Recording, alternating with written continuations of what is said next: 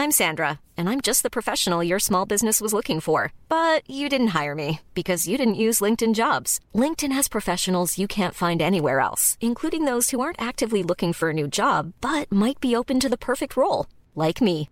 In a given month, over 70% of LinkedIn users don't visit other leading job sites. So if you're not looking on LinkedIn, you'll miss out on great candidates like Sandra. Start hiring professionals like a professional. Post your free job on linkedin.com slash spoken today. This podcast is brought to you by eHarmony, the dating app to find someone you can be yourself with.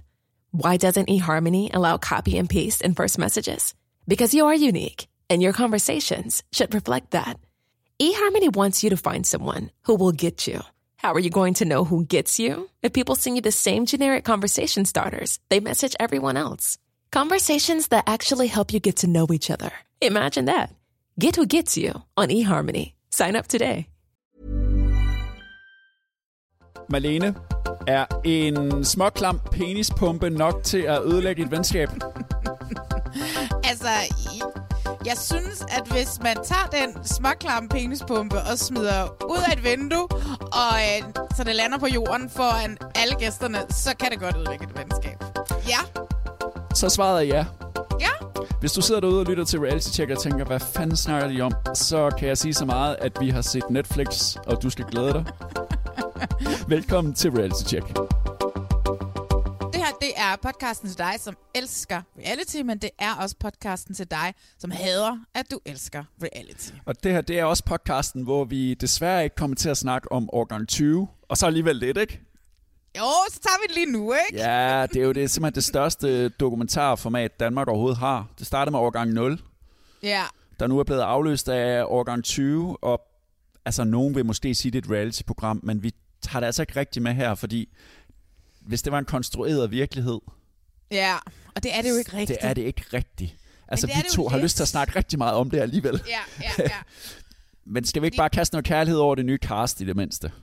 Jeg synes, at det er... Altså, jeg, jeg har det jo sådan lidt... Jeg synes faktisk, at de her par er meget mere interessante end, øh, end de tidligere par. Okay. Øh, jeg ved ikke, jeg synes, der er en, der er en anden sødme, og øh, det der unge par fra Lyngby og sådan noget. Han, jeg synes, han er så bedårende. Daniel, Daniel er jo bare det Ja. gladeste menneske i hele Oh verden. my god, hvor elsker ham. Og så er jeg jo, oh my, jeg er jo lidt forelsket i det der, øh, ham manden op fra Nordsjælland på 43. Jeg ved ikke, hun, jeg synes virkelig, at øh, han er delicious. øh, det, jeg synes, han er meget flot, selvom han er, han er jo også sådan lidt, øh, lidt ejendomsmaler. Ja, han er ikke? lidt business, businessmanden, ikke? Men jeg, jeg, jeg, synes, at det er, jeg synes, det er et ret skønt cast. Og øh, jeg glæder mig til at følge dem de næste 18 år, hvis Jamen, jeg stadig lever. Altså prøv at høre, jeg er over 60. Jeg er over 60, når, når det er en overgang 20, det slutter. Men jeg vil nu også sige, altså jeg har fulgt årgang 0 ret meget, og jeg synes altså også, de par var skønne. Og når man tænker på, hvor meget der er sket i deres liv, så ved vi jo ikke engang her med årgang 20, om, om de er sammen bare om to år, eller om Nej, et det år. jo Det er sådan det. ret vildt at sidde og tænke på, synes jeg. Ja. Jeg har i hvert fald tænkt mig at se med, og jeg har lidt træt af, at jeg, at jeg allerede har set tre ud af de fire første programmer, så skal jeg vente et, et helt Hele år. år. Ja. ja. ja. Så nu er det. snakker vi om årgang 20 alligevel, selvom vi egentlig ikke gør det i den her podcast. Men det er fordi, Ja. der, er der er så meget andet rigtig reality, heldigvis, yes. på skærmen lige nu.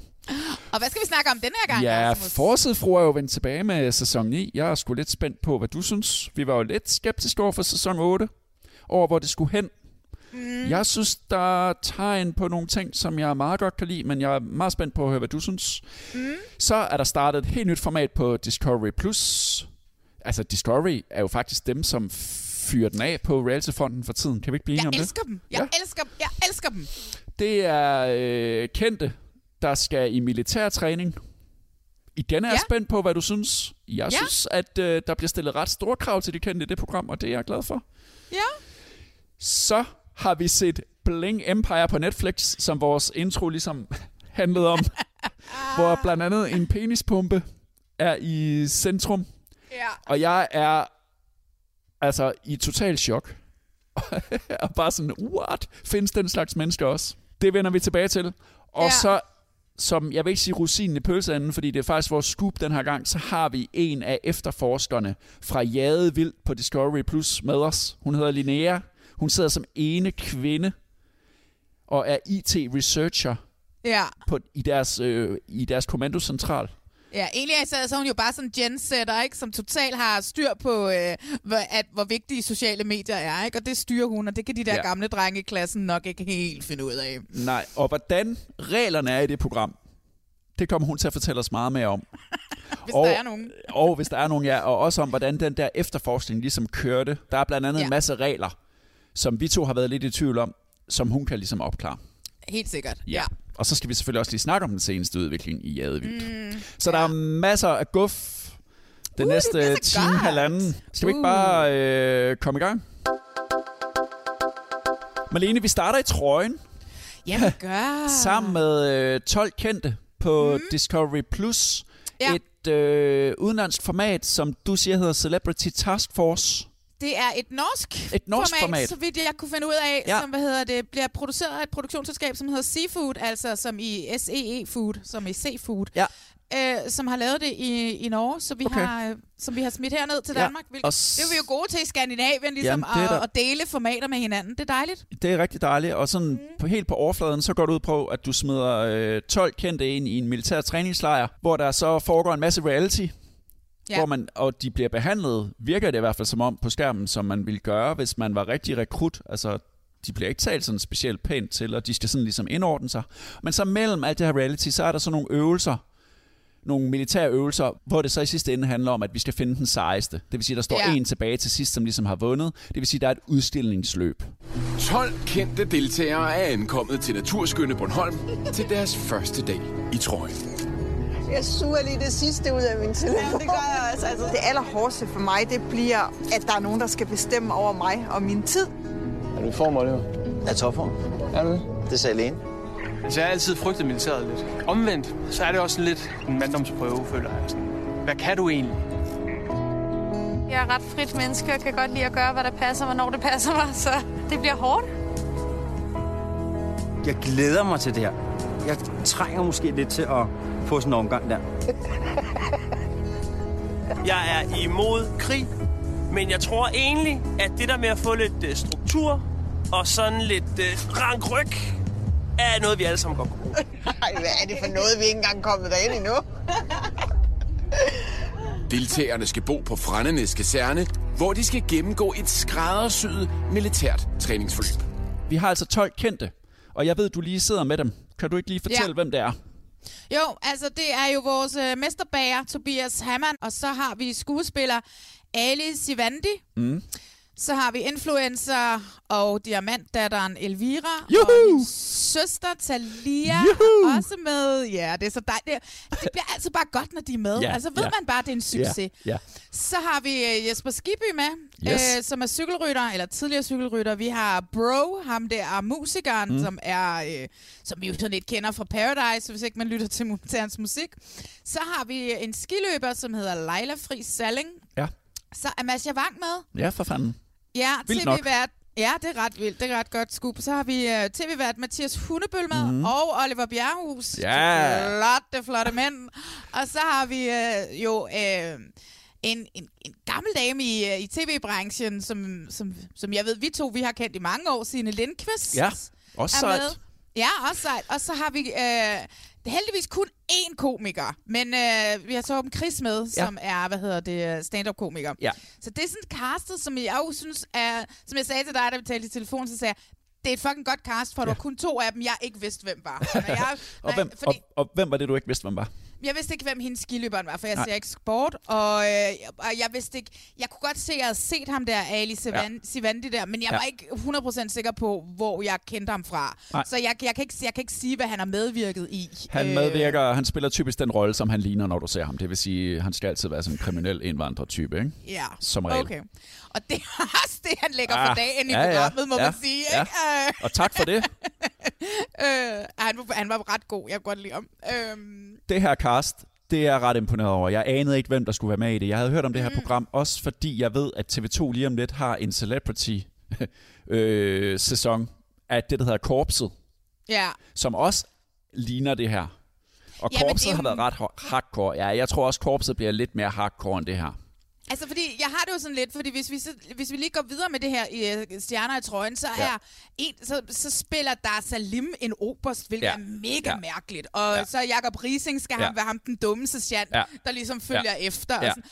og det har jeg ikke helt forstået Nej. pointen Nej. med. Under ledelse af Oberst Dar Salim og et hold af toptrænede og professionelle befalingsmænd, vil det blive underlagt en streng militær disciplin. De vil løbende blive bedømt gennem en række krævende og pointgivende øvelser. Er I klar? Du har jo en militær baggrund. Ah, jeg har jo tjent min værnepligt i Livgarden, og øh, allerede der, der fik jeg ligesom en smagsprøve for, hvor markant anderledes det her miljø er fra, fra alt andet, vi er vant til, og hvor meget folk rykker sig fra deres individuelle øh, udgangspunkt. Og så er der en af de der, øh, hvad hedder det, øh, en af de der soldater, som en, de kalder ham for NT, Ja. og ham har jeg set før. Og Jeg, har prøvet at google ham. Jeg har Ja. googlet ham, jeg kan ikke finde ham. Nej, jeg kan nemlig heller ikke finde ham. Men jeg, det kan også godt være, at det en, jeg engang har været sammen med for mange år siden, da jeg var sammen med mænd meget. Øh, hvad hedder det? det, tror, det tror jeg ikke. Jeg synes bare, jeg har set ham et eller andet Ja, sted før. han virker nu ikke nok for mig. Men jeg har Ja. virkelig også prøvet at google ham på at finde ud af, hvem han er. Det må Ja. snart komme artikler. NT Ja. kom frem. Også fordi han er jo en flot mand, ikke? Så jeg tænker, Ja, ja. at der må sidde nogen rigt, derude. han ligner en rigtig soldat, ikke? Ja, altså hvis jeg var til Lia, så var jeg sprunget på ham. Det kan, Øh, også, det kan jo godt være. Hun har gjort det. Men der er sådan et eller andet mærkeligt modsætning til korpset, hvor vi jo ved, at det er tidligere, jæger, tidligere jægersoldater, Ja. som ligesom er med, ikke? Så her, det virker lidt... Jeg synes, det virker så mærkeligt, at Dar Salim, han skal være autoriteten. Altså, Ja. Han er jo tidligere soldat selv. ja, han, han har været i... Han Men- har været værnepligtig i, i, Men- i, altså det er det, ikke? Der går lidt soldaterkammerater i den med ham og Rising. Mm. Altså, de skal være sådan lidt comic relief, og Rising står med sin kigger, der skal holde øje med de der rekrutter. Og Ja. jeg ved, Rising har været ude i artikler og sige, jeg er altså ikke bare sådan en gøjler, men jo, Rising, og det er det, det, er det vi kender ham for. Og Jakob Rising er jo Jakob Rising. Altså, han skal jo ikke være anderledes. Han skal jo ikke pludselig være sådan en alvorlig befalingsmand. Så der går lidt soldaterkammerater i den med de to. Ja. Der er enig. Men Ja, hvis vi ja. lige vender tilbage til selve castet, Ja. så vil jeg sige, wow. Jeg synes, Det er virkelig de, godt. Det er virkelig godt, og det er nogen, der leverer alle sammen. Og jeg har sådan Masha Wang at se hende lige pludselig. Hun stiller ikke op i hvad som helst. Og heller Nej, det ikke, gør hun ikke. Og der er også nogle dollars på bordet, Jeg selvfølgelig. skulle lige til at sige kaching. Der, skal, Ja. der skal pengepunkt frem Men- med, med hende, ikke? Men hun er altså en succesfuld forretningskvinde. det er jo det. Og det altså, kan godt være, at vi har alle sammen haft corona, men Masha Wang er stadigvæk en succesfuld forretningskvinde. Ja. Ja, ja, men der er jo nogen, altså jeg synes også, at det er vildt at se Signe Lindqvist. Ja. Øh, jeg elsker Signe. Ja, Hun har altid har- været ja. simpelthen så sød over for mig, har Ja. ja. skaffet billetter til ja. cirkus og sådan noget, hvis jeg ville i cirkus med dem, jeg kender, der er børn og, Og sådan noget. dygtig, Hun hun er, er dygtig tv-menneske også. hun er så dygtig og Ja. ja. så sej og flink og sådan noget, så det er sindssygt rart at se hende Mm. mm. øh, lave noget andet end cirkus. Ikke? Jo. Øhm, og hun virker rimelig sej i Ja. ja. de der opgaver, mm. de, bliver, de bliver sat Ja. ja. ud i. Og så synes jeg, så rart at se... Øh, jeg ved, Jesper Skibby er jo også altid sådan en comic relief-agtig type. Ja, det ikke? skal han også være her, ikke? Men jeg elsker, at han ikke er i form. Så har jeg det jo også sådan lidt, øh, Rasmus, jeg kan jo altid kigge på Oliver Bjerghus. Jamen, det kan vi jo altså, alle jeg sammen. bliver aldrig træt af at kigge Nej. på ham. Nej. Og han er som om, det siger de jo også i program 2, vi har kun set de første to programmer, Ja. der siger de, at øh, de kan mærke, at Oliver er blevet sådan helt rolig. Han er jo altid meget damp ADHD-agtig, Ja. men fordi han får de der rammer, så fungerer han helt vildt godt. Så Jamen, det, er det er ikke sådan, den, det er ikke den helt store gøjler, Oliver, vi ser her. Det er sådan, han går går rent og sådan noget. Ja, han- og, og bare sådan lidt, han siger, okay, fint nok, så tager jeg Jensen. Altså, ja. jeg gider slet ikke diskutere det. Nej. Der er nogle autoriteter, der bestemmer over ham. Så han lukker bare ned for det, og siger, okay, fint nok, nu gør jeg, hvad de siger. Ja.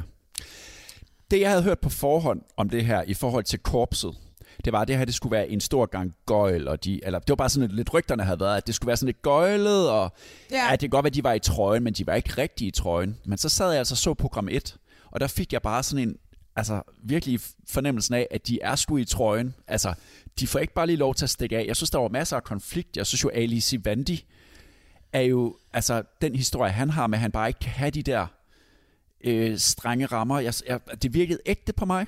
Det virker ikke som om, at de bare lige kommer let omkring, der bare lige kan sige, ej, nu vil jeg godt lige have min telefon, ej, nu gider jeg ikke lige, at, lige, lige lave fjernsyn. Ja, det er rigtigt, men samtidig så var det også bare sådan, ja, min knæ, bla, bla, bla, så sætter du dig bare ned. Altså, de er til at snakke med de der NT-soldater. og de men der var det bare der, mig, der havde den oplevelse, da jeg så program 1, at det var måske også, fordi jeg havde forventet, at det bare var, at de hele tiden bare kunne sætte sig ned, og de bare hele tiden kunne bryde ud af rammen. Jeg synes sgu, at den ramme bliver holdt sådan ok. Ja, der kommer vel også det her konkurrenceelement ind, ikke? hvor de så begynder Altså, nu er vi ja. en del af en konkurrence, Ja. ja. og så automatisk så strammer man sig lidt an, ikke? Øh, tænker jeg. Men jeg, ved jeg ikke, synes, det er helt klart reagere. bedste for mig var at se alt det der udenom, alt realityen i selve den der lejr, hvor de skal gøre Ja. rent, og de får skal ud, og ja, Mhm. Ali, Ali ligesom laver en konflikt med de der Ja. ja. offi- officerer, som så trækker ham til side. Jeg har haft nogle udfald, lad mig sige det for at være ærlig. Så hvis jeg kan sidde og stå rækt, og lige pludselig så kommer der bare sådan en suk indenfra, som jeg slet ikke registrerer selv. Så er der bare sådan noget, det kommer indfra, det er sådan her, jeg har det, og det gør jeg bare. Det er ikke noget, man kan regulere på. Jeg er ikke en robot. Når de står, og jeg kan høre, at der kommer en eller anden melding, og de siger... Det er sådan, jeg udånder. Ja, så udviser du... Det, det går det, det, det er sådan, øh, det, du gør. Mm. Det opfatter de andre som en trods. Det opfatter de andre som, øh, at du ikke er, er motiveret og klar til det her. Okay. Det, jeg ved om dig, det er, at du godt kan. Ja. Du har bevist i går, at du har muskel, fysisk kraft til at gennemføre det her. Den styrke, vil jeg gerne have, du finder i dag, til at æde dig selv. I perioder, hvor du føler, at det her det er træls, irriterende, så går du lige tilbage og tager den der styrke, du har i det, og æder den. For at være helt ærlig, så har jeg aldrig haft sådan kæmpe respekt for at være en soldat, fordi jeg føler ikke for krig.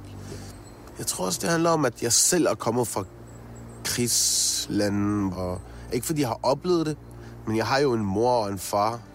Deres land var i krig. Lige op til, at jeg blev født-agtigt. Så æd den.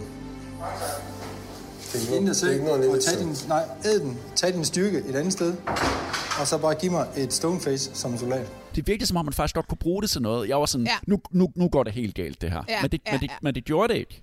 Nej, men det er jo også, altså Talia, nej ikke Talia selvfølgelig, øh, Elvira, Ja. altså hun er jo så meget en teenager. Ja, ja, fuldstændig. Fuldstændig. Øh, Og, så er det, altså, og der har Talia jo vist en helt ny side af sig selv, som vi ikke har set i Diamantfamilien, ikke? Hvor konkurrencemindet er, hvor god form hun er i, og hvor, hvor fucking dygtig hun er. Ja, hun ligger altså. på et nummer, altså hun er nummer to længe i det der Ja. game, i de, alle de der dyster. Jeg er meget imponeret over Talia, og, øh, og selvfølgelig så opfører Elvira sig fuldstændig som forventet, men Talia er god til lige at, at få talt med hende.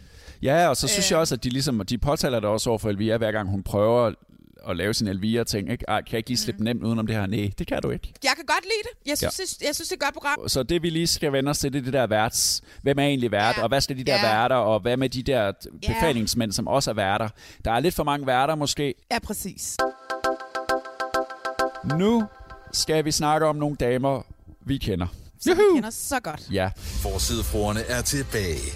Du har set mig helt op i tidskolen. Ja, det kan blive sådan lidt vulgært. Og det er en luderkjole. Ej, skal... De har ikke noget filter, når det er ude. Jeg kunne sprøjte flere meter væk. Det kan jo faktisk være, at vi kan lave en sprøjtekonkurrence. Denne gang bliver der prøvet grænser af.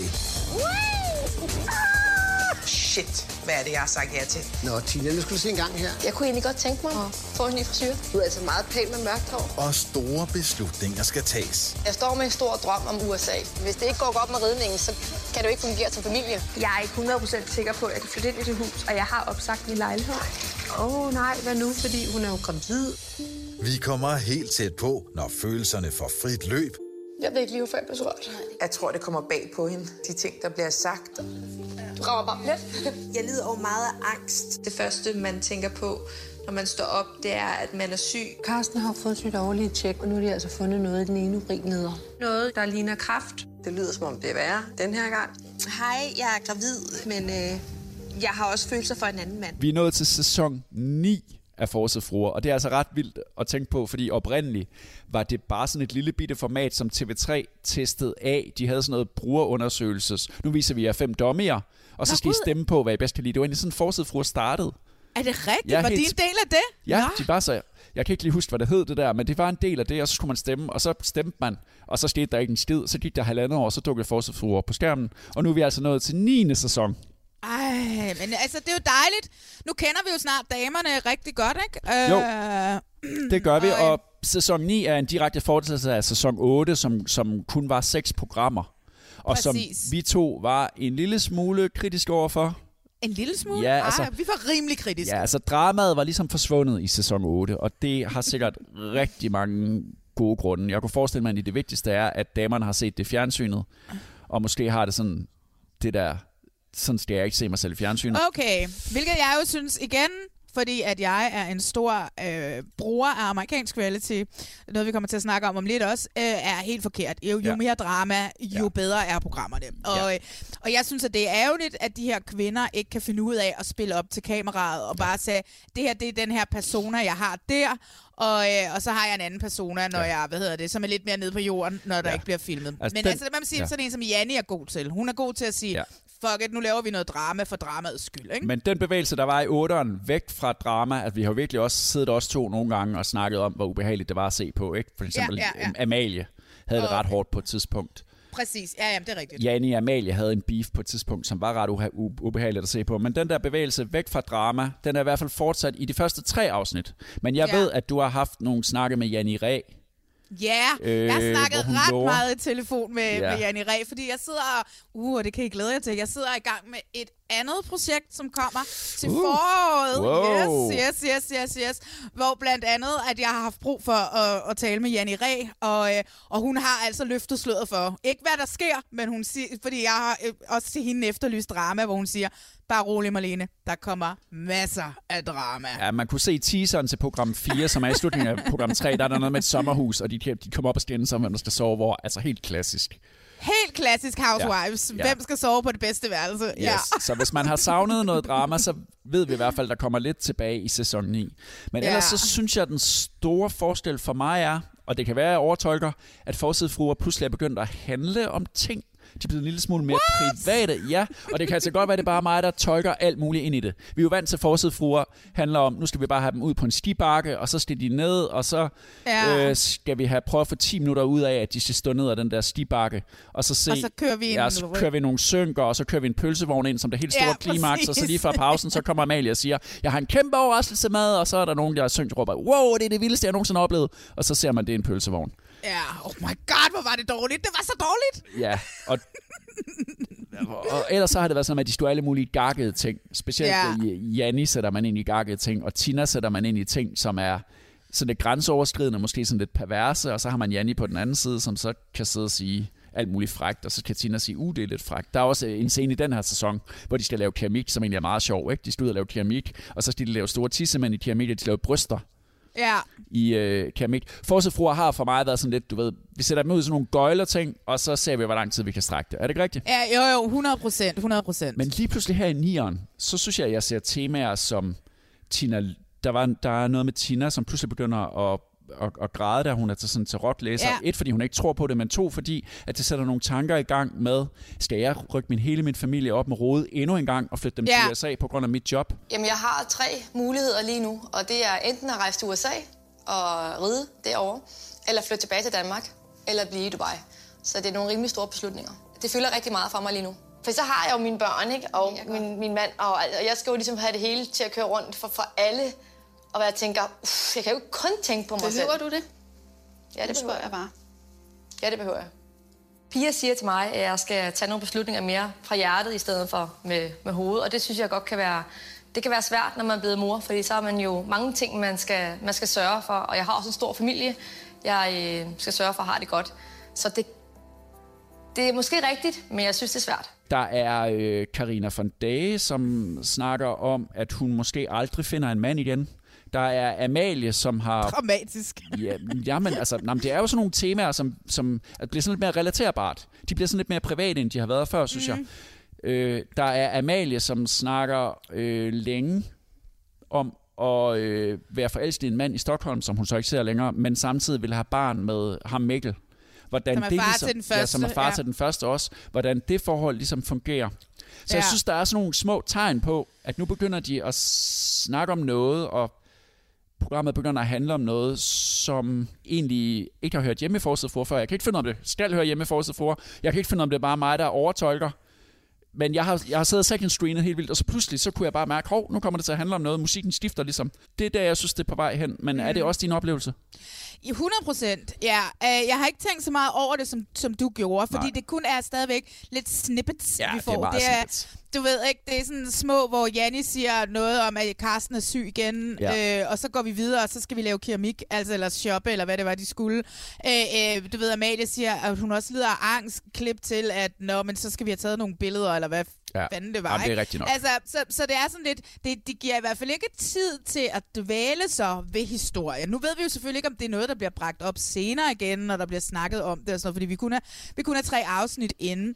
En af de forsidefruer, som jeg altid har holdt meget af, men som jeg har lært mindst at kende, det er jo, øh, det er jo Tina Lund.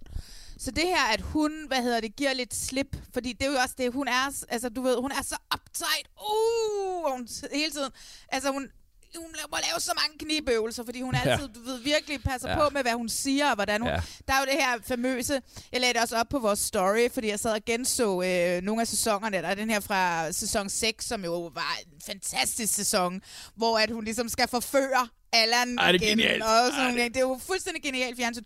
Hvor så forsvandt hun igen og blev uh, helt uptight forside fru i Dubai med heste. Øh, hvor jeg synes, at det er rart at se hende græde, og jeg synes også, det er rart, det her, hvor de er ude og lave det der øh, pikkeramik, hvor at, øh, hun begynder sådan at sidde og sige, Nå, men jeg har jo set jer alle sammen nøgne, og la la la la la, hvor hun løser lidt op, fordi jeg tror jo ikke, hun er så uptight, som hun gør sig til i det her program. Vel? Så jeg synes faktisk, i bund og grund, så synes jeg, at en af dem, som kommer bedst ud af sæson 9 indtil videre for mig, det er Tina Lund, fordi jeg kan, godt, jeg kan godt lide hende, og jeg har lyst til at lære hende bedre at kende. Og det synes jeg, hun åbner lidt op for. Det kunne være fedt, hvis de skulle flytte til USA, og vi kunne følge dem derovre. Altså, det vil jeg elske. Tina Lund ja. Ja. og Allan Nielsen og familien tager til, øh, til USA for at opdrætte hest, ikke? Altså, det er der jo TV3-format i. Ja. Så øh, værsgo her. Endnu et format fra Reality Check til TV3. Og jeg har så en idé til endnu et format, der hedder bare mere Carsten og Janni. Kan vi få mere Ja. Carsten og Janni? Tak. Carsten dukker jo op. Ej. Carsten Reh dukker jo op igen.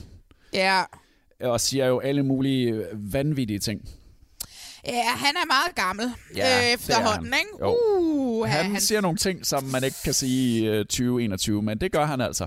Nej, men he's your racist uncle, der ved, sidder der til, til Thanksgiving, ikke? Og bare sådan, og man, bliver bare, man, kan- ikke tage diskussionen med ham, fordi at sådan Nej. må det bare være. Ja. Det eneste, man kan gøre, er at bare sidde og smågrine lidt af, af, af, hans, øh, af, hans, af, det, han siger, ikke? Elina Callgirls. Elina Callgirls. Elina Callgirls. Ej, skat, det mener da ikke. Jo, jo, du er klar til den næste sugar dating. Nej, jeg kan godt gå, lide at gå i lovkort, Ja, det, det er for hulkort. Ja. ja, det prøver jeg mig ikke om. Der er altså visse steder, man ikke møder op med, Nej, det er rigtigt. Det gør jeg da heller ikke. men du har ikke en, der er ordentlig. Det er det, der, det, er det, der er mit problem. Og så uden trusser. Nej, nej, jeg skal have trusser på. Du har ikke en nederdel i en sømmelig længde. Jo, det har jeg. Det har, kan, jeg har et nederdel herned Det til. er kraft, man er ikke en nederdel. Det jeg en har, nej, jeg har et nederdel, der går herned til. Men altså, sådan en, der går hertil, det har du ikke. De går dertil. Nej, jeg har også hertil. Nå, vis den. Ja, det viser jeg når vi kommer op. Men der har jo altid været et godt spil med de to, ikke? Vi har altid set, at de har det sjovt sammen. Vi har aldrig set sådan rigtigt, når de skændtes. Jeg har også lige siddet og genset de der to øh, sæsoner, der ligger af Carsten og Janni, øh, som ligger på Discovery nu, ikke? Øh, hvor, hvor, som, hvor, som starter der, hvor hun får dom, får dom og hun skal ind og, og, og sidde i fængsel, ikke? Øh, og det er jo en kærlighedshistorie, de to sæsoner er, der handler om to mennesker, der lige har mødt hinanden, og så skal hun i fængsel. Altså, det er, ret, det er, ret, det er faktisk ret fantastisk. Jeg kan anbefale at gense det. Ja, helt klart. Øh, fordi nu kender vi hende på en anden måde, og dengang, da det løb over skærmen, der havde vi så mange fordomme omkring hende, fordi at hun var ham der, eller hun var den der kvinde, som havde muligvis havde snydt en anden mand for nogle penge, og bla bla bla. Det er hun blev dømt for, ikke? Ja, ja, hun er blevet dømt for, og hun er blevet dømt for at tage imod nogle gaver. Øh, det skal vi lige huske. Så Carsten og Janni, men, men ved bare, og det ved produktionsselskabet, det ved TV3, sæt dem ned i en synk, og så sige værsgo. Og så går de sådan set bare i gang, og så er de underholdende. Øh, de er skønne. De er skønne, de to. Og altså, jeg har fået mod på at se sæsonen færdig. Det skal jeg i hvert fald. For Jamen, der, der er et eller andet ved de der damer, som jeg stadigvæk bliver draget af. Ja, ja, 100 procent. Også selvom de ikke giver så meget. Altså, Karina ja. von Dijk giver ikke så meget. Jackie giver ikke en skid. Altså, men Jackie, hun er bare hende, som ligesom lægger stemme til det hele. Hun Og- er fornuftens stemme altid, ikke? Og, Øh, ja, og Gunn var slet ikke med. Nej, Gunn var kun med ud at lave keramik, ikke? Øh, men ellers så er hun ikke, overhovedet ikke med. Men vi ved, at de skal til Færøerne senere Ja, i sæsonen, og der kommer det hun med. vi. Og Ja. vi er også blevet lovet drama af din inside information med Yes. yes. øh, Janni, så det virker som om, at vi har noget at se frem til. Ja. Marlene, jeg tror godt, vi kan love, at nu bliver det vildt, ikke? Fordi nu skal Det vi på Netflix. Yeah. Netflix har gjort det igen, igen, igen, igen, igen. De er for seje. Ja, og øh, ja, de er for seje, og det her program, det hedder Bling Empire, og er en reality-udgave, kan man godt sige, af en film, som kom for nogle år siden, som hedder Crazy Rich Asians, som Ja. du har set, og som jeg ikke har set. In China, my husband's father would be an emperor, and baby G would be a little prince. Kind of need your help. Did you bring Botox? I only want a date for love. I'm so tired of other people's judgment. Kim Lee is a super famous DJ. You got it. Flaunt it. Cherise heirs to huge denim empire. And now Anna's back. Her father sells bombs, guns. I think it's very important to have fun. It's only 19000 a month. This one or the black one? It's perfect for hiking. Oh, I'm in the wrong place. No, you're with us. You're safe. She has a penis pump. Bling Empire foregår blandt nogle asiater, som bor i LA, og som er vanvittigt rige. Ja. Og så følger man deres liv, Ja. og har lavet et reality-program omkring det. Ja. Og jeg siger bare en ting. Jeg siger, Anna Shea. Hun er, hun er, hun er, hun er 60 år. Hun er så stinkende rig. Hendes familie har bygget deres rigdom på at handle med våben. Ja, du skal lige siges, hun er halv asiat og halv russer. Øh, så, ja. øh, og hendes far har lavet nogle rimelig shady ting med den amerikanske regering. Altså ja. det er, han har, han, må have, han har fremstillet nogle våben, øh, han har lavet nogle ting, som er så tophemmelige, at vi aldrig nogensinde finder ud af, hvad det er. Og, og, ef- ja. og efter hans død, så øh, arvede øh, Anna Shea og hendes bror den her øh, våben og virksomhed, som de solgte for 1,2 øh, Milliarder. milliarder dollars. Ja, som hun så har arvet det meste af, ikke?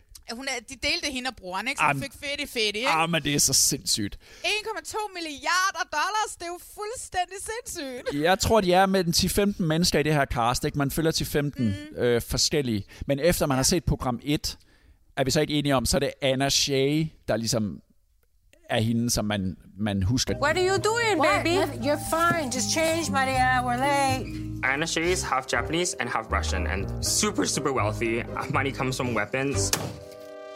Her father sells bombs, guns, defense technology, and it's worth like a few billion. What are you doing, Anna? Nothing. Anna, I'm fixing my closet. Anyone's family that makes like weapons and tanks, you don't want to mess with them. No way. Mira, vas a Puta. What? Te vas a lastimar. It's okay. I'm good. I'm good. I'm good. I'm good. Anna Shea is like a really, you know, reclusive person. So sometimes you see a glimpse of her, sometimes you don't. Can you help me to close this dress, please? I think it's very important to have fun. Jeg har set fem afsnit. Du har Ja. set hele sæsonen. Der er otte i alt. 8 i alt, ja. Ja.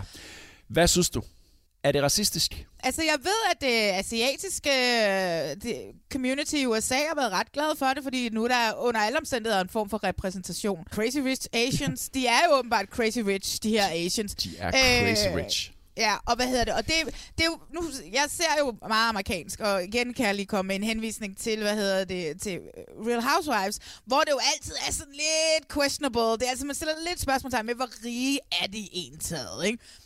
I det her program, Bling Empire, der ved vi, hvor rige de er. Ham her, Kane, som er ham den unge, som lidt er hovedrollen, som er, er, er ven med ham der, Kevin, som Ja. er vores... Fattige. Som er, sådan lidt, som er vores fattige, som lidt er hovedrollen Ja. ja. på en eller anden mærkelig måde, fordi er ham her, Kevin, som er en meget, meget flot asiat og Meget model flot. og sådan noget, ikke? Øh, han ligesom er kommet ind i det her rimandsmiljø, og så ser man lidt, du ved, fordi så, det er jo det, man kan gøre. Man kan se det ud fra en, en almindelig asiat med en almindelig indkomst, Ja. og på hans blik ind på, Ja. hvor, der, hvor, hvor crazy rige de er. At du ved, de snakker om, at du ved, han har aldrig ejet et par Dior-sko, og så får han bare et par Anna Shea, bare sådan lidt, værsgo, bare tab dem, værsgo, du ved, ikke? Og, og, og, og han, han, han reflekterer hele tiden over deres rigdom. Der er et par stykker, som har lavet noget, blandt andet hende her, Christine, som har været en del af Real Housewives of Beverly Hills en enkelt sæson, tror jeg det var, hun havde fået, ikke? Men, øh, så der er nogle af dem, som har lavet noget, Øh, der er sådan en lækker, lækker kvinde, der hedder Kim Lee, som er DJ slash model slash øh, alt muligt. Hun har været vært på MTV, Yo, Yo MTV Raps i Asien. Okay. Og så har hun været med i The Amazing Race. Nå, sjovt. Øh, ja. Også en asiatisk udgave af det, så hun har altså også lavet noget før. jeg har tjekket lidt op på, hvad er det egentlig, hvor kommer de her mennesker fra?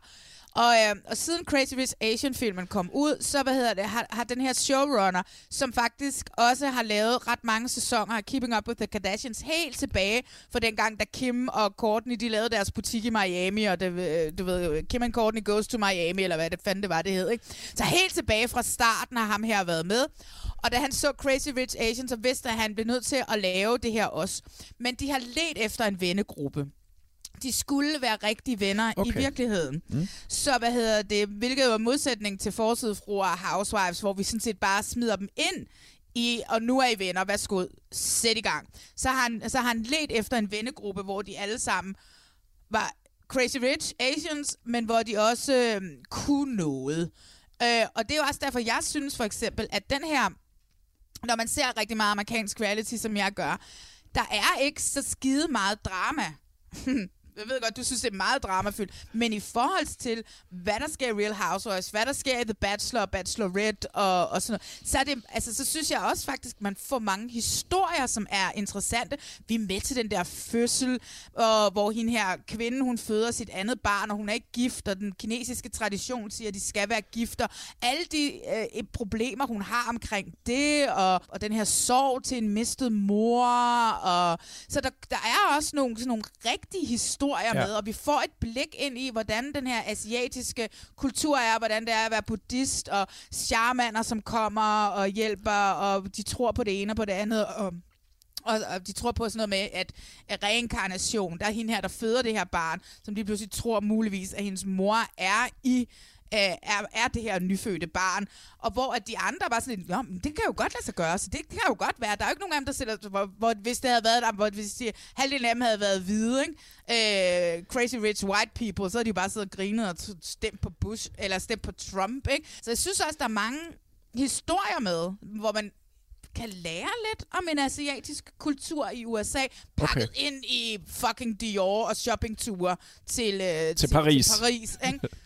Hvor Det- vi også ser et forhold øh, gå i opløsning og, Ja. og, og sådan noget, ikke? Øhm, så, så jeg synes også, at det har nogle... Det kan, altså, hvis vi skal snakke om det der med, at forsidefruerne begynder at give noget af sig selv, så synes jeg, at de her Crazy Rich Asians, de giver sindssygt meget af dem selv til det her. Okay. Det er egentlig meget ret, du siger det, synes jeg. For det, jeg lægger mærke til, når jeg ser det sådan for første gang, det er også mig, som ikke ser særlig meget amerikansk reality. Ja. Den første historie, jeg lægger mærke til, det er jo den der smykkehistorie, der er i program 1, hvor Anna Shea og Christine, ligesom, de er virkelig oppe i sådan en hæftig, Ja, hæftig feud om, hvem der har den flotteste halskæde på.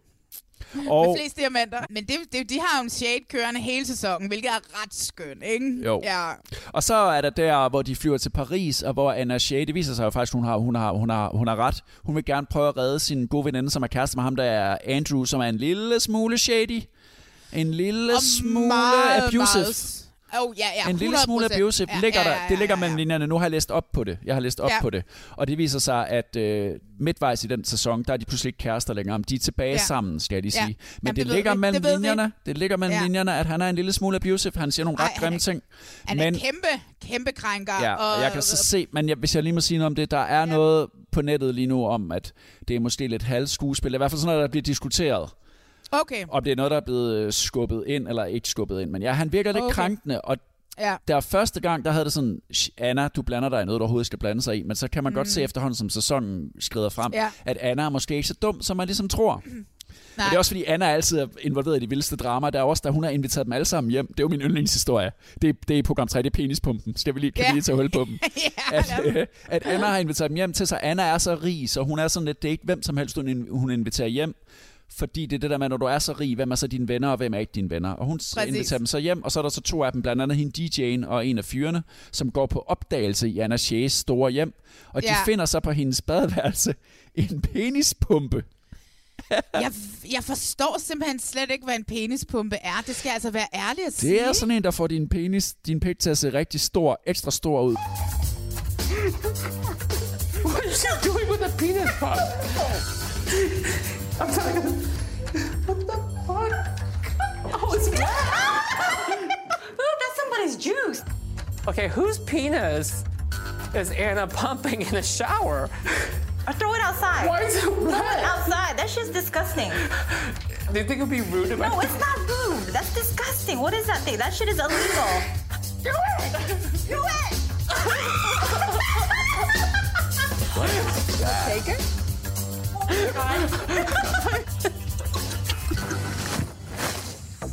Oh my god. That's a penis pump. Det, som der jo sker, det er, at hende her, DJ Kim Lee, ja. Og så ham her, Guy Tang hedder han, som jo faktisk i bund og grund er den mest kendte af dem alle sammen i forvejen. Han er sådan stylist for celebrities og har over 2 millioner følgere på, på Instagram, hvilket ingen af de andre overhovedet er nærheden af.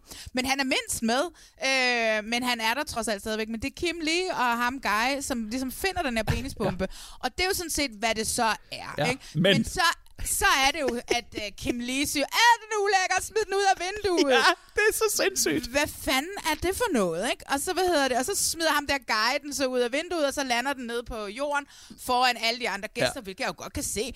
At få sit sexlegetøj smidt ned foran en, en, en hel fest, som bare står dernede, det er da under al kritik. Det er da så grænseoverskridende. Og, øh, og jeg kan godt forstå Anna Shea, at hun, øh, hun, hvad hedder det, hun blev pisse sur på det. Men hun bliver jo sur på sådan en... Øh, man ved ikke, om man bliver slået ihjel i Ja, nat, lige eller, eller, eller om hun, hun ruinerer dig, fordi at hun har forbindelserne til det. Altså, don't mess with Anna. Jeg det er tror den vibe. ikke, man ja. skal... Ja, det er så rigtigt, det er den vibe, hun har Ja. hele tiden. Også, Ja. Altså de der plastikoperationer, hun har fået lavet. Hun er en flot dame, hun er 60, men altså, hvad er det med de der munde? Hvorfor er det deres ansigt? Hvorfor er det, de så gerne vil ligne katte? Fortæl mig jeg det. ved det ikke. Jamen, jeg, for, jeg forstår det heller ikke. Altså, øh, jeg forstår det heller ikke. Og det er nu, det er min mor også begyndt igen. Og, Ej, det er min og så- mor ser jo helt fucked ud nu. Jamen, det er jo så mærkeligt. Men det her, det er jo sådan katte. sådan- De der læber, og det ser, Ja. hun ser fucked ud. Og øjnene og sådan noget, ja. Til gengæld er det også i program 3, hvor hun bare står foran alle de andre og foran seerne og skifter tøj, og der er bare bryster over det hele. Hun havde sgu nogle ret flotte bryster. Det var ikke sådan nogle plastikopererede bryster. De var Nå, ret jeg flotte. ikke mærke til dem. Jeg, Og jeg, de var med. Det undrede mig. Hun bare stod der bare med sine bare bryster. Også til kameraet, og det er Netflix, så der er amerikansk, men der var bare bryster over det hele. Jeg tror bare, hun er den type.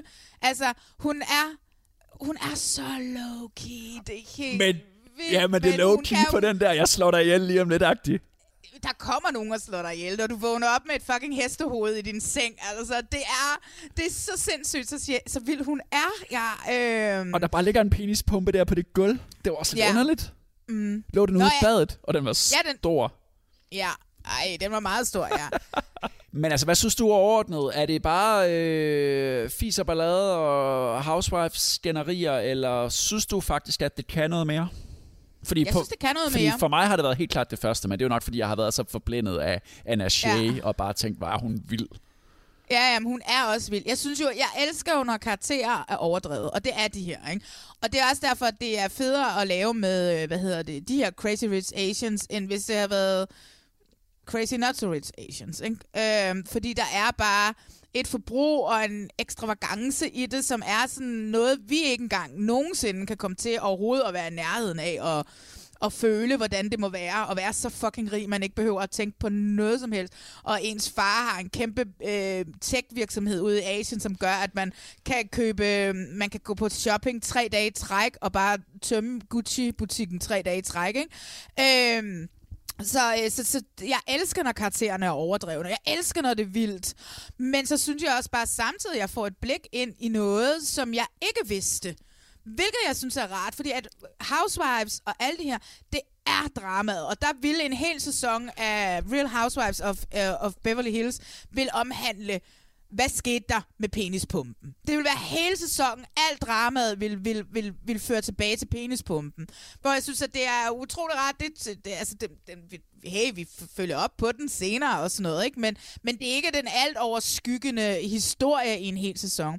Jeg glæder mig vanvittigt til sæson 2. Jeg elsker det. Jeg kan mærke, at jeg skal ind og se det færdigt lige om lidt. Ja, men det skal du. Det bliver du nødt til. Jeg synes, det er genialt. Gå ind og se det. Alle sammen. Hvis ikke I har set det. Bling Empire, Netflix. Og ved du hvad, vi er stadigvæk i lockdown, og det er minus 10 grader udenfor. Mm. Der kan lige så godt bruge dagen på det. Det var L.A. og Crazy Rich Asians. Yes. Nu tager vi hjem til Danmark igen, og et program, som vi to har været rigtig, rigtig begejstrede for. Det hedder Jade Vildt og er på Discovery+, Plus, og vi er så begejstrede for det, så vi lige om lidt kan præsentere en af efterforskerne, Linnea, og på rulleteksten står der, hun er IT-researcher, og hvad fanden det handler om, og hvad man laver, når man er IT-researcher, det er et af mine aller, aller vigtigste spørgsmål til hende.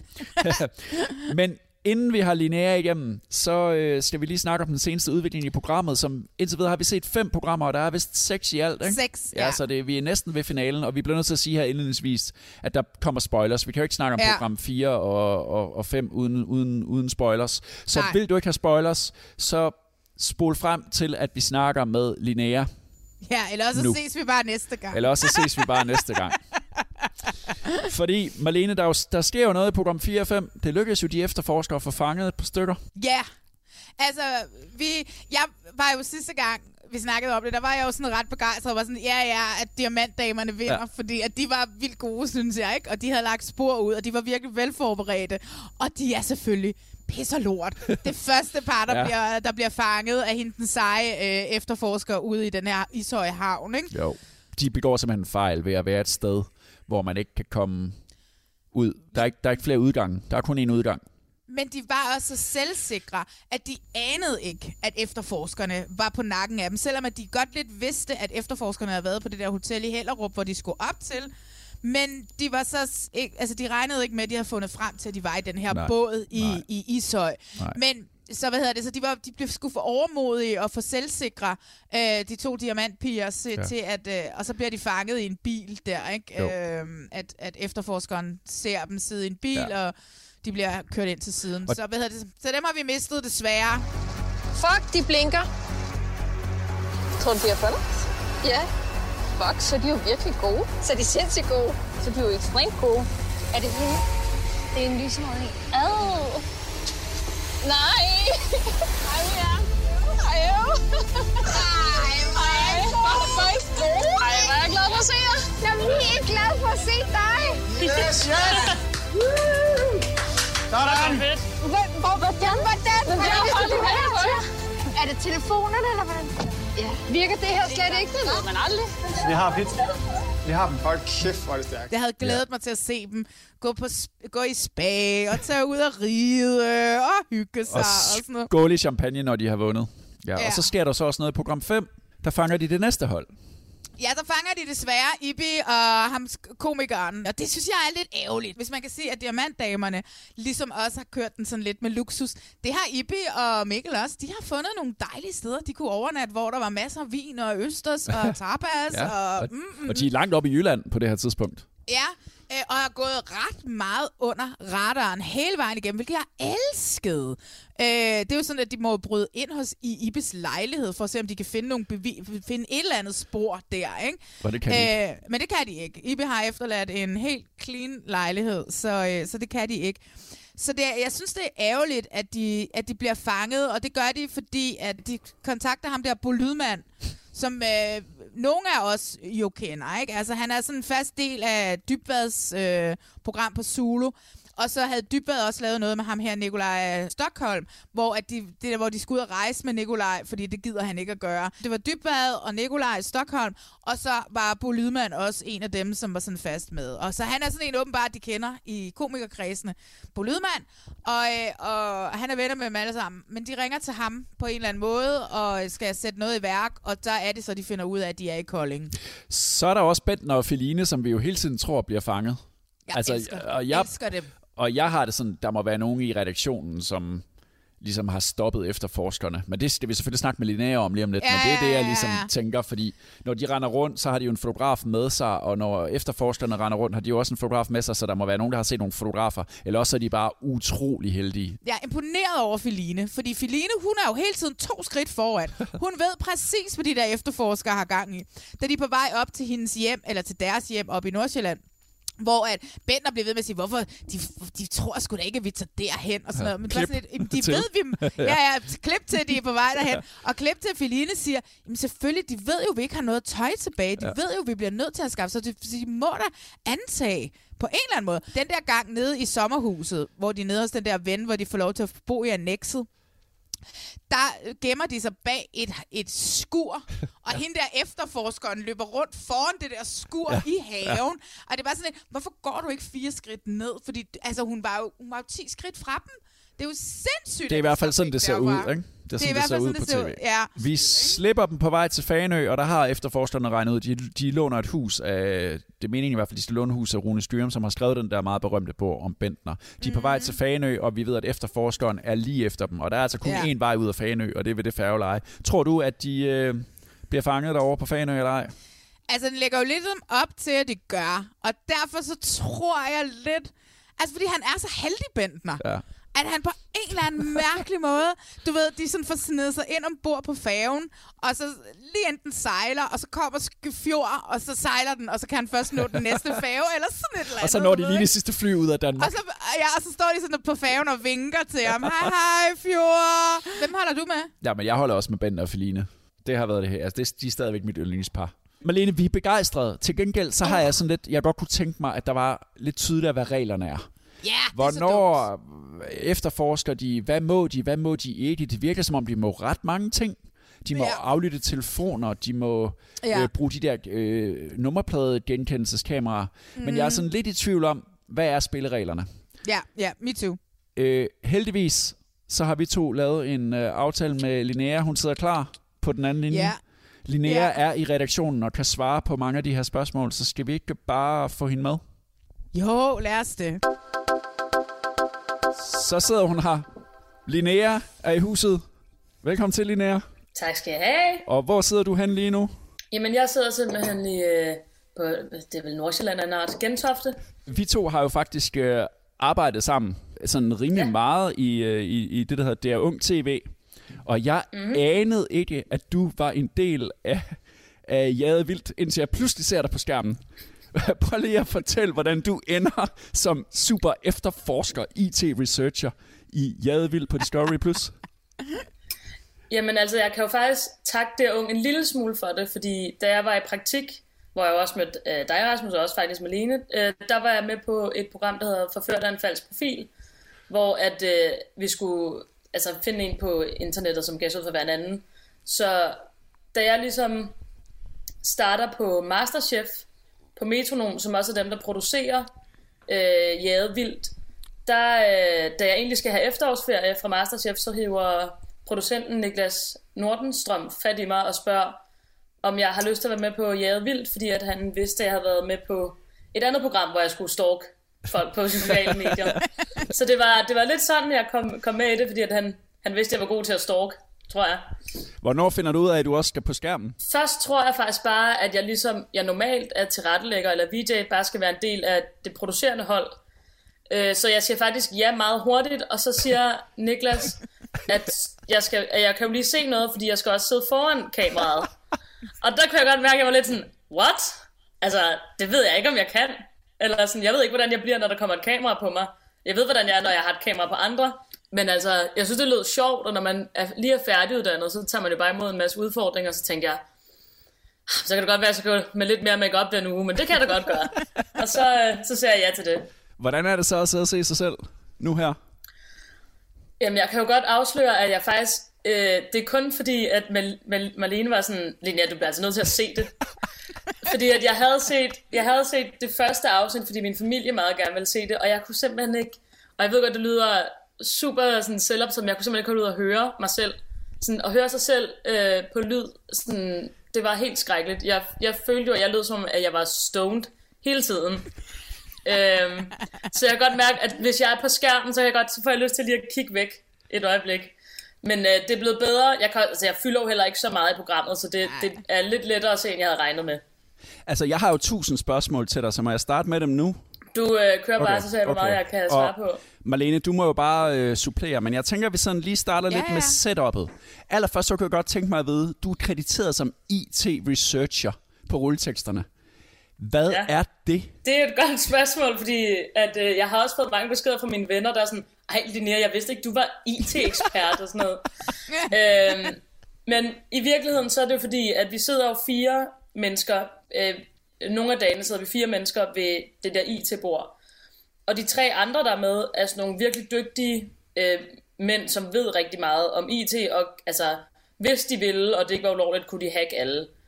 Øh, og jeg er jo mere, altså jeg er jo mere bare sådan tilrettelægger type, så jeg jeg var ligesom ansat for at kunne holde øje med de sociale medier, for det var de tre andre, det var de ikke sådan eksperter i. Jeg tror ikke, de selv brugte Instagram eller Facebook så meget, men de kendte alle tingene bag det.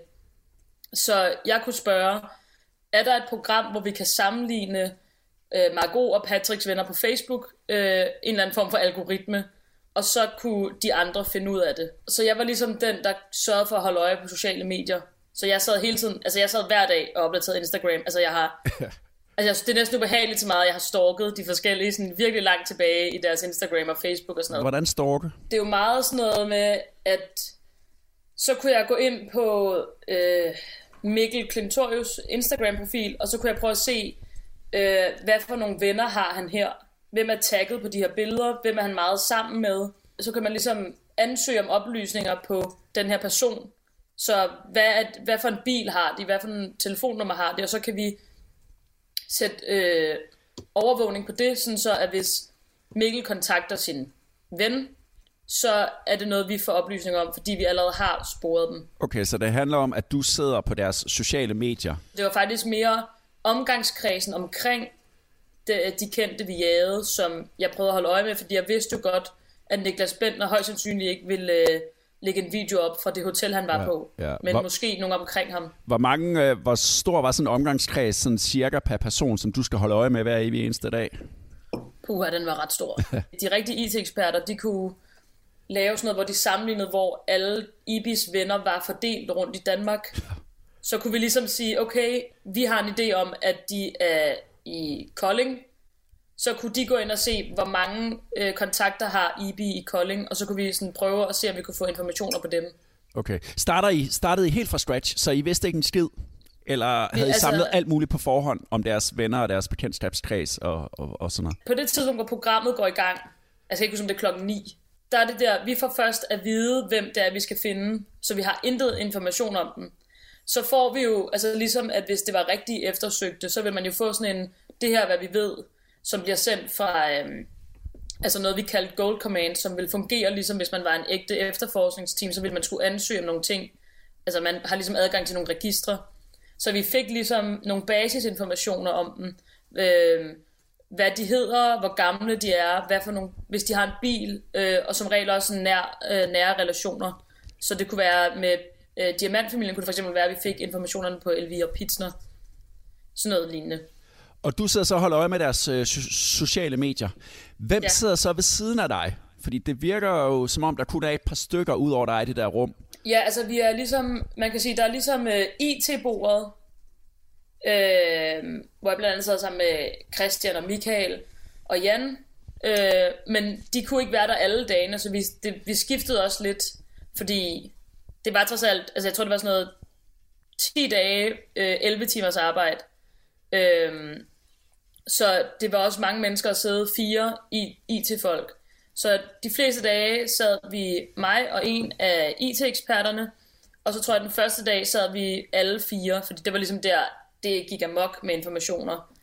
Og så på bordet ved siden af, der sad ligesom øh, Ravnholdt og Kasper og Ove, øh, som ligesom er dem, som er, de jo ægte øh, efterforskere.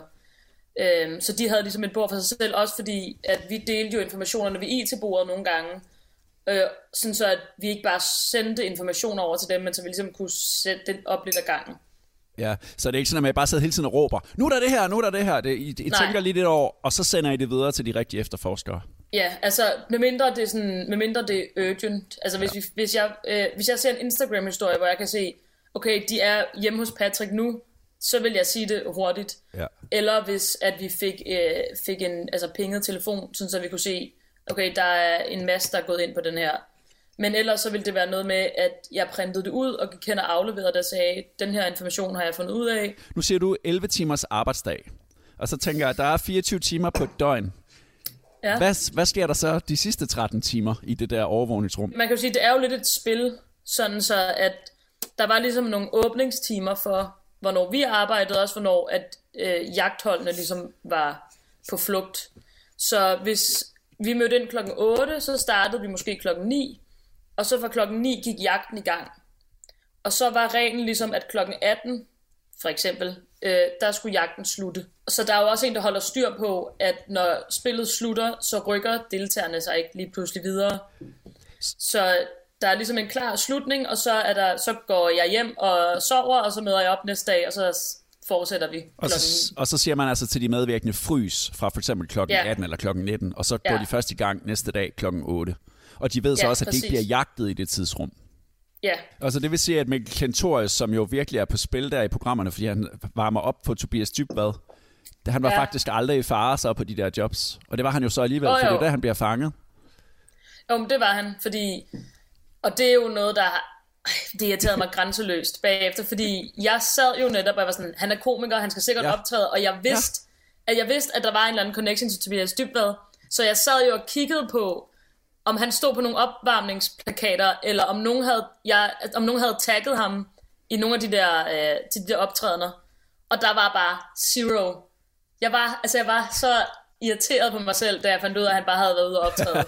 ja, fordi, Fordi man det var jo mig, der havde siddet med det. Fordi man sidder lidt som seer og tænker, det må de da se på en eller anden plakat, men så får man jo godt nok at vide, at han ikke står, hans navn ikke står på plakaten. Ja, det var, det synes jeg, men det er fordi, jeg føler, det var lidt en personlig fuckfinger til mig. fordi det var mig, der havde siddet med de der sociale medier og tænkt, der er jo ikke no, der er no way, at han ikke dukker op på Instagram eller et eller andet. Men, men der har folk bare til de der øh, shows bare været sygt søde og ikke tagget ham i noget som helst. Ja, for det virker jo som om, han faktisk siger det, hver gang han starter sin opvarmning. Så siger han til dem, I skal bare lige vide, at jeg er på flugt, så I skal helst ikke lægge noget op på de Ja. sociale medier. Og det var der ikke nogen, der gjorde, vel? Nej, altså Nej. i hvert fald ikke, altså hvad jeg kunne finde, og jeg prøvede virkelig at søge på mange tags, og var også inde på Tobias Dybvads øh, Instagram-side eller Facebook-side. Det skiftede også lidt med, hvornår tidsrammen var. Der kan være, at den dag, han har optrådt, har vi kørt helt til klokken 9. Jeg har sådan lidt, øh, jeg ved ikke om det er en større ting, men det er bare lige noget, jeg godt kunne tænke mig at, at, at lige vende med dig, Linnea, fordi vi har jo også lavet fjernsyn sammen. Du har også lavet Forført en falsk profil. Du har lavet, jeg har lige også lavet nogle tv-programmer i DR Ung til DR3, som har sådan en masse juridiske ting. Når jeg ser, hvad de der efterforskere har mulighed for, at telefonovervågning og øh, øh, sådan nogle øh, kartoteker, altså bil, adgang til biloplysninger, de har adgang til alt muligt. Var der bare frit spil? Øh, nej, det var der jo netop ikke, fordi at det er jo ligesom du siger, at når man laver tv, så er der nogle ret vigtige ting, man skal over, overholde både, altså sådan rent juridisk, og så er der jo ligesom også en form for tv-etik, som man også skal overholde. Der var lavet ret klare, altså man kan jo kalde det spilleregler, som gør, at hvis vi ægte skulle fange øh, nogen, der havde begået terror eller sådan noget, så havde de alle mulige ting, de kunne gøre. Så måtte vores IT-mænd også hacke dem, altså totalt meget. Ja. Men fordi det er et tv-program, så var der ligesom lavet nogle regler. Vi skrev ind til noget, der hed Gold Command, som skulle være, som er ligesom det register, som politiet vil have i forhold til biler og overvågning. Og så kunne jeg skrive ind på en person, som jeg tænkte, øh, de har en relation til øh, diamantfamilien. Øh, måske kan det være, at de bruger dem som kontakt. Og der har familien ligesom, eller øh, pizzafamilien har ligesom indgivet de kontakter, de har med i spillet, som de kan bruge undervejs. Okay. Så kan, så kan Gold Command skrive til mig, øh, det er bare et eksempel, Søren Jensen er ikke en del af, af programmet, så ham skal I ikke kontakte. Okay, så der er sådan lidt, man er ligesom nødt til at have nogen, som man Ja. kan gå efter, og nogen man ikke kan gå efter. Altså efterhånden i programmet kan de godt tilføje nye navne okay. til den der liste, men de skal, dem de bruger skal vil medvirke på tv. Så hvis de for eksempel, Mark og Patrick bliver sam- samlet op af to løbere, så skal de sige ja til at blive filmet, for ellers må de ikke bruge dem. Nej.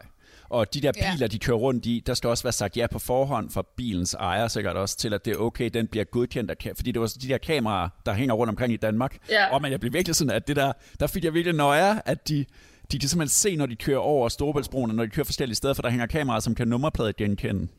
Det var sådan Ja. ret, det var sådan ret, åh oh, kæft man, har de også fået adgang til det register. Og det der med at telefonovervåge, I kan jo simpelthen aflytte den telefonsamtale, for eksempel hjemme i uh, Patrick Wozniakis uh, køkken. Men hvis ikke, at vi havde meldt ind, at vi overvågede hendes telefon, så havde vi ikke fået den lydfil.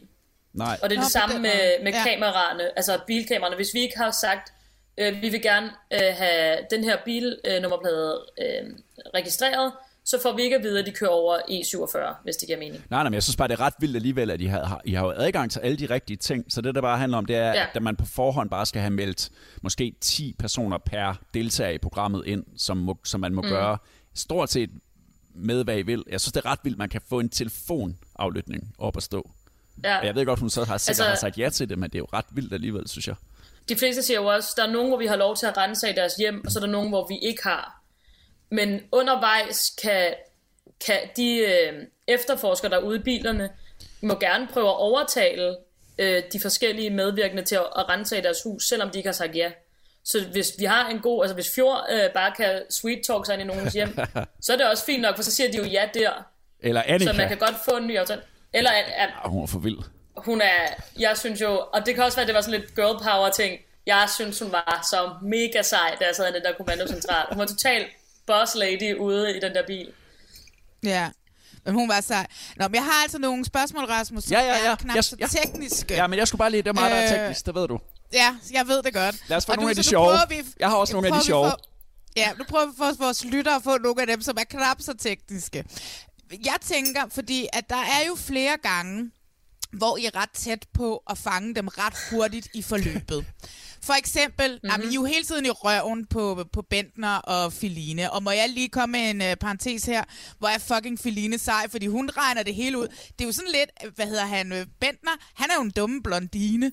Ikke? Han er jo sådan en, nej, hvor skulle de vide fra, at vi har den her bil? Og så ser vi jer, I har, I har, fa- fa- I har bilen. Hvor, hvorfor skulle de tro, at vi tager hjem? Så er de allerede nærmest også på vej op til deres hjem. Ikke? Hvor Filine, hun hele tiden siger, "Men det gør de, det gør de, det gør de. Jeg tænker, kan, har I nogle gange været sådan lidt, hvor I måtte holde efterforskeren tilbage i fem minutter for at gøre det lidt mere spændende? Så ikke I fangede alle sammen i første program eller andet program. Forstår du, hvad jeg mener? Ja, øh, jeg vil ønske, at jeg kunne sige ja til det, men det er, det er faktisk, altså, det er, det, der, det I ser er ægte. Der er ikke blevet fiflet med noget, sådan så at man lige har holdt en efterforsker tilbage. Det er simpelthen os, der, altså i kommandocentralen, der har skulle tage nogle beslutninger, øh, som har gjort, at, at vi så ikke fangede dem. Og nogle gange har de bare været altså, pisseheldige lige at slippe fra os. Altså, det var de mest intense dage, de der, hvor at vi var efter Felina Bentner. Altså, vi kørte rundt i Snækkersten og Hornbæk og sådan. Det var og det så var, spændende. Det var så intenst. Det var virkelig, altså det var også en, en dag inde i den der kommandocentral, hvor der, altså, der blev også talt lidt hårdere, tror jeg, den dag, fordi at alle var sådan så opsat på at fange dem. Ja. Jeg tror også bare, der var noget ved os, der var sådan, det kan fandme ikke være rigtigt, at de slipper fra os igen. Nej. Så det var bare, de var bare, det var selvfølgelig en blanding af, at de var gode til at gemme sig, og, held, og så måske også held. Tror, Øhm, det er så meget held. Altså, de Jeg stod, tror så, mås- ja, de har smidt deres ting og stod og gemt sig i et sommerhusområde. Ja, Altså. der var måske en undervurdering af dem. Især, især Feline følte jeg, og det kan godt være, det bliver sådan noget feminist øh, halløj.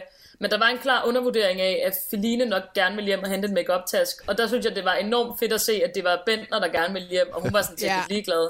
Ja. Øh, Men også, at hun havde så- regnet ud, hvad efterforskerne tænkte, ikke? Altså, og han bare sidder og siger, nej, hvor fanden skulle de vide det fra? Hvad med diamantdamerne, altså Ja. diamantpigerne, diamantfamilien? Jeg synes jo, det var intet mindre end genialt. De kørte Oceans 11-stilen, ikke? Og levede ja. i sus og dus og pansatte en dyr diamantring og havde vildt mange penge og sådan noget. Vidste de godt, de var i København, og de var lige ved siden af jer, og de fes i Tivoli og sådan noget? Nå, men det, det, det, det så jeg jo nemlig ikke, da vi sad derinde, så der følte jeg faktisk ikke, at de ikke var sådan, de var ikke så sjove at, at løbe efter, fordi at de, jeg vidste jo ikke, de lavede sådan nogle gimmicks. øhm, men, men jeg var, altså jeg tænkte faktisk sådan, at det ville jo være smart for dem at gøre præcis det modsatte af, hvad vi forventede, som jo var dyre hoteller og sådan noget. Så jeg, da, da Annika rensede deres hus, der hoppede jeg totalt på den der med, "Nå, men så er de skulle nok ude og, og campere. Ja. Øhm, og der var det jo fedt, Annika var bare sådan, det, hun troede sgu ikke rigtigt på det der, Elvira sagde. Øh, så jeg synes, når man ser programmet, synes jeg, det er ret fedt at se, at de bare er sådan, vi skal lige og have en, have en spa-dag, og vi skal i Tivoli. altså sådan Tivoli, hvor der er sygt mange kameraer. Altså sådan, og det var der jo ingen, der havde, det var ingen af os, der havde tænkt på, at, sådan, at nogen af dem ville finde på at tage i Tivoli. Jeg elskede dem. Jeg synes, det var synd, de blev fanget. Jamen, ja, hvilken fejl er det, de begår, Linnea? Hvad er det for en fejl, de begår? De bliver fanget ude i en havn. Ja, altså, der er jo... De, jeg vil sige, at de begår flere fejl, fordi... Øhm, for det første tager de ind et sted, hvor der kun er én udgang. Ja, Og det kan man jo se, Mark, Mark og Patrick gør jo meget ud af, at de altid skal have en flugtrute ud Ja. af huset, hvis de ser, at der kommer nogen. Og det har, det har diamantfamilien ikke tænkt over. Så de er et sted, hvor at de har meget begrænset mulighed for at flygte, medmindre de seriøst altså sejler den der båd ud af havnen. Og så har de jo købt de her burner phones, hvilket er meget smart, men de glemmer at tænke over, at vi kan overvåge deres kontakters telefoner. Så fordi vi har sat en overvågning op på, jeg tror han hed Erwin eller sådan noget, men op på deres kontakt på det der øh, hotel, så får vi informationen om, hvem han skriver til. Og derfor kan vi så se, om de befinder sig i området af den her havn. Så hvis de ikke havde skrevet til ham, så havde der måske ikke været lige så stor mulighed for, at vi fandt dem. Øhm, man kan sige, at vi kunne godt slå op på ham, at han havde en båd, men det vil jo, det kunne godt være, hvornår vil vi så tjekke den? Men fordi Ja. vi har en telefon, der pinger derfra, så er det jo der, at, at Annika kører ned. Det er fordi, hun sidder ved den eneste udgang fra den der havn, Ja. og sidder så og jo holder nøje øje med, hvem der sidder i bilerne. Ja. Øh, og så kan hun se, der sidder to damer på et bagsæde, Ja. og en, en chauffør. Ja. Og så tænker hun, okay, det kan godt være dem, og så kører hun efter dem. Ja. Så ham, de sms'er med, det er simpelthen en, som er på den liste, de har indgivet på forhånd, at han er en af deres kontaktpersoner. Ja, ellers er han blevet det undervejs. Ja. Det, jeg ved ikke, om han har været plan fra, okay. fra starten, men fordi vi netop har fokus på det der hotel, hvor han altså, ejer det, tror jeg, så ved vi, okay, ham skal vi holde øje med. Hvad er du allermest stolt af, at du har bidraget med efterforskningsmæssigt? Jeg vil jo sige, at øh, da vi får øh, overvågning fra, at der bliver hævet penge fra Margot og Patricks kort, og det ikke Ja. er Patrick. Ja. Og de bliver ved med at sige, det er ham. Altså, det var i starten af, af programmet, og jeg tror ikke, jeg havde ikke så meget ballast at komme med. Altså, jeg, var ikke, jeg havde ikke noget, som ligesom skulle sætte mig i respekt for efterforskerne, som jo har mange år på bagen og er voksne mænd, og jeg sidder bare som sådan 20-årig, hey, skal vi kigge lidt på Instagram? Men jeg var bare sådan, jeg var så sikker på, at det der var ikke, altså det var ikke, det var ikke Patrick. Altså sådan, Patrick har et Hollywood smile, og sådan, ser helt anderledes ud. Så jeg var ret stolt af, at, sådan, at vi fandt ud af, at det, ikke var, at det ikke var Patrick, og det jeg sagde var rigtigt. Hvor lang tid tror du egentlig, der ville gå, hvis, man, hvis de nu havde alt det, man må i virkeligheden, hvis det havde været en rigtig jagt? Hvor lang tid tror du så sådan et øh, par, det første par, der bliver fanget af, øh, Det er af The Pitsners, hvor lang tid vil de øh, kunne flygte? Altså, øh, både Diamantfamilien og også, øh, også Bentner og Feline og sådan nogle, de var blevet fanget på, altså, det er på samme dag, fordi, Nå, okay. jamen det, fordi de er, alt, de er alt for uforsigtige, og vi havde jo også, altså for eksempel ude i, i sommerhusområdet, hvis det var ægte, så havde, og de var sådan terrorister eller sådan noget, så havde der jo været kæmpe hundepatruljer, der havde været Ja, ja, ja, ja. droner og alt. Altså sådan, jeg tror, at hvis det var ægte, så var de klart blevet fanget hurtigere, fordi vi havde jo kun de midler, vi havde. Men det havde jo heller ikke været et sjovt tv-program. Altså, Nej, det havde været virkelig kedeligt. Har du mødt dem ude i marken egentlig? Har du mødt Fjord? Der rejser Øh. Danmark rundt på et kvarter, så er han kommet Jamen, fra han- Fanø til København. Altså, han er for vild. Det er jo vel sindssygt, Har du mødt så hurtigt. Han er en superhelt på en eller anden måde. Jamen, jeg har jo øh, jeg har mødt hele efterforskningsholdet, fordi vi har har jo øh, eller sådan dem der er ude på jagtpatruljen der, fordi vi har briefet og sådan. Og jeg har mødt Fjord, jeg har ikke snakket meget med ham, men jeg har virkelig tænkt, han er, altså, han er et tv-program i sig selv. Ja, det er han Fordi han er så vild en character, Ja. ja. og jeg tror, han kan snakke sig ind hos alle, der siger, du skal ikke ind i mit hus. Så giv ham to minutter, altså og en cigaret, så er han inde i din lejlighed, og I drikker kaffe. Altså, jeg synes virkelig, at han var, han var meget snigeren på en eller anden måde, på at komme ind, hvor Annika var meget sådan, altså, hende var jeg lidt mere bange for, Ja, hende var man bange er for. så hardcore. Linnea, der er et program tilbage, og det virker som om, at det bliver lige så godt som resten af sæsonen. Vi glæder os i hvert fald. Gør Ja. vi ikke, Marlene? Åh, oh, er du sindssyg? Jeg glæder mig til finalen. Tak fordi, at du øh, gad at svare på en, del opklarende spørgsmål. Jeg synes i hvert fald, jeg er blevet klogere Ja, helt 100. Ja, på spillereglerne. Og Mhm. dem, dem håber vi så bliver helt klar for sæson 2. ja. Yes. For det er et skide godt program. Cool. Det er jeg glad for, jeg synes. Og jeg er bare glad for, at jeg ikke er blevet til et meme eller et eller andet i natholdet. Endnu, endnu. du nå Vi skal, endnu. lige vente, vi skal jo lige vente til dybværet kommer tilbage, ikke? så kan det være. Så er Linnea smuttet. Det var rart at få svar i hvert fald på nogle af vores spørgsmål. Det var meget givende. Ja, det synes jeg også. Det håber vi jo også, at I synes derude. Vi er Mhm. næsten ved at være færdige for i dag, men inden så skal vi lige gøre, som vi plejer, nemlig udnævne vores held og vores skurk i reality-tv, inden for mm. det, vi Mhm. har set, siden vi lavede den sidste podcast. Og vil du ikke starte i dag, Marlene? Hvem øh, har været din held? Det er Tina Lund. det er fordi, jeg synes, at det er dejligt, at hun giver noget af sig selv. Det er dejligt, at vi ser hende tude, og hun snakker om nøgne damer og, og sådan noget. Det er bare meget rart, at Tina, Tina Lund er tilbage, og, og, og jeg synes, at hun kommer godt igennem de første tre afsnit af Forsøget Froen. Er du okay? Ja, ja. Jeg ved ikke, hvorfor jeg lige blev... Du er okay? Ja, ja. Ja, altså Tina bliver jo meget rørt. Øhm, jeg tror, det kommer bag på hende, øh, de ting, der bliver sagt, og jeg tror, at øh, piger rammer noget, som måske fylder i hendes hjerte. Jeg ved ikke lige, hvorfor jeg blev så rørt. Nej, det er godt. Er det okay, Tina? Ja. Min held er så den, som har gjort allerstørst indtryk på mig, siden vi to snakkede sammen sidste gang, og der havde jeg ikke set noget med hende. Det er Anna Shea fra Bling Empire på Netflix. altså, hun har blæst mig bagover. Altså, Tænk, Ja. at sådan nogle mennesker findes. I think it's very important to have fun. In the last 10 years, I kind of slowed down on it. I wanted to spend my time with my son and my family.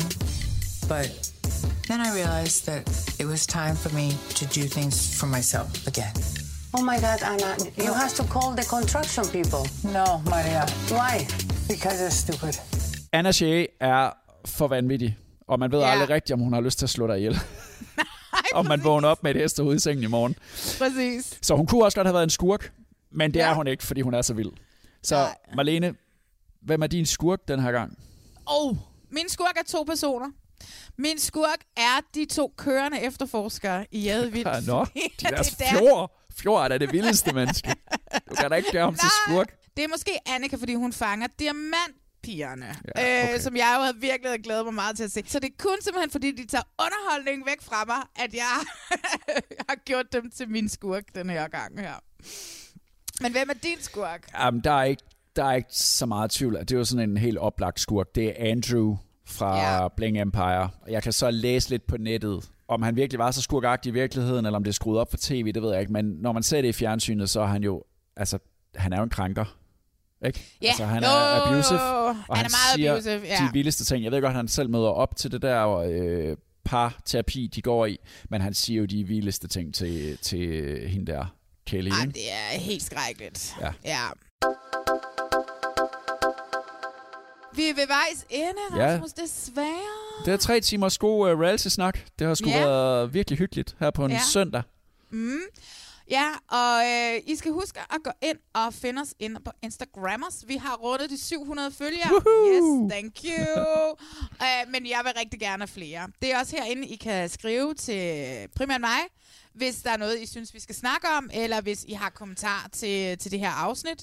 Så, øh, så send mig en besked derinde. Jeg er jo en af dem, som faktisk Konstance har min telefon i hånden, så jeg, øh, jeg læser med det samme. Øh, når jeg har gjort det, så går I lige ind i iTunes. Det er ret vigtigt også. Gå ind og rate os derinde. Giv os fem stjerner.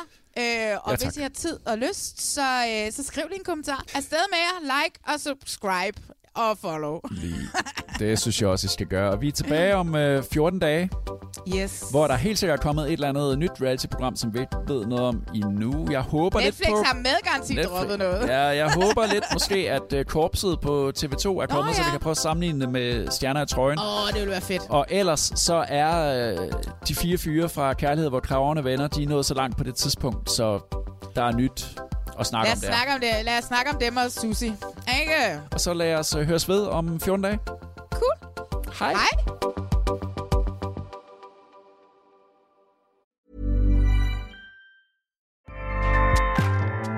ACAST powers the world's best podcasts. Here's a show that we recommend. The Real Housewives is a guilty pleasure for most, but if you're looking to not feel guilty about that pleasure, tune in to Everything Iconic with me, Danny Pellegrino, where I break down all the messy moments and behind the scenes antics of Bravo's popular franchise. And on Everything Iconic, I also interview celebrity guests like Kelly Ripa, Kiki Palmer, Drew Barrymore, Cameron Diaz, and more about their guilty pleasures, their past work, and so much more. So if you're pop culture obsessed and find yourself watching way too much reality TV like me, tune in to Everything Iconic with Danny Pellegrino wherever you listen to podcasts. ACAST helps creators launch, grow, and monetize their podcasts everywhere. ACAST.com.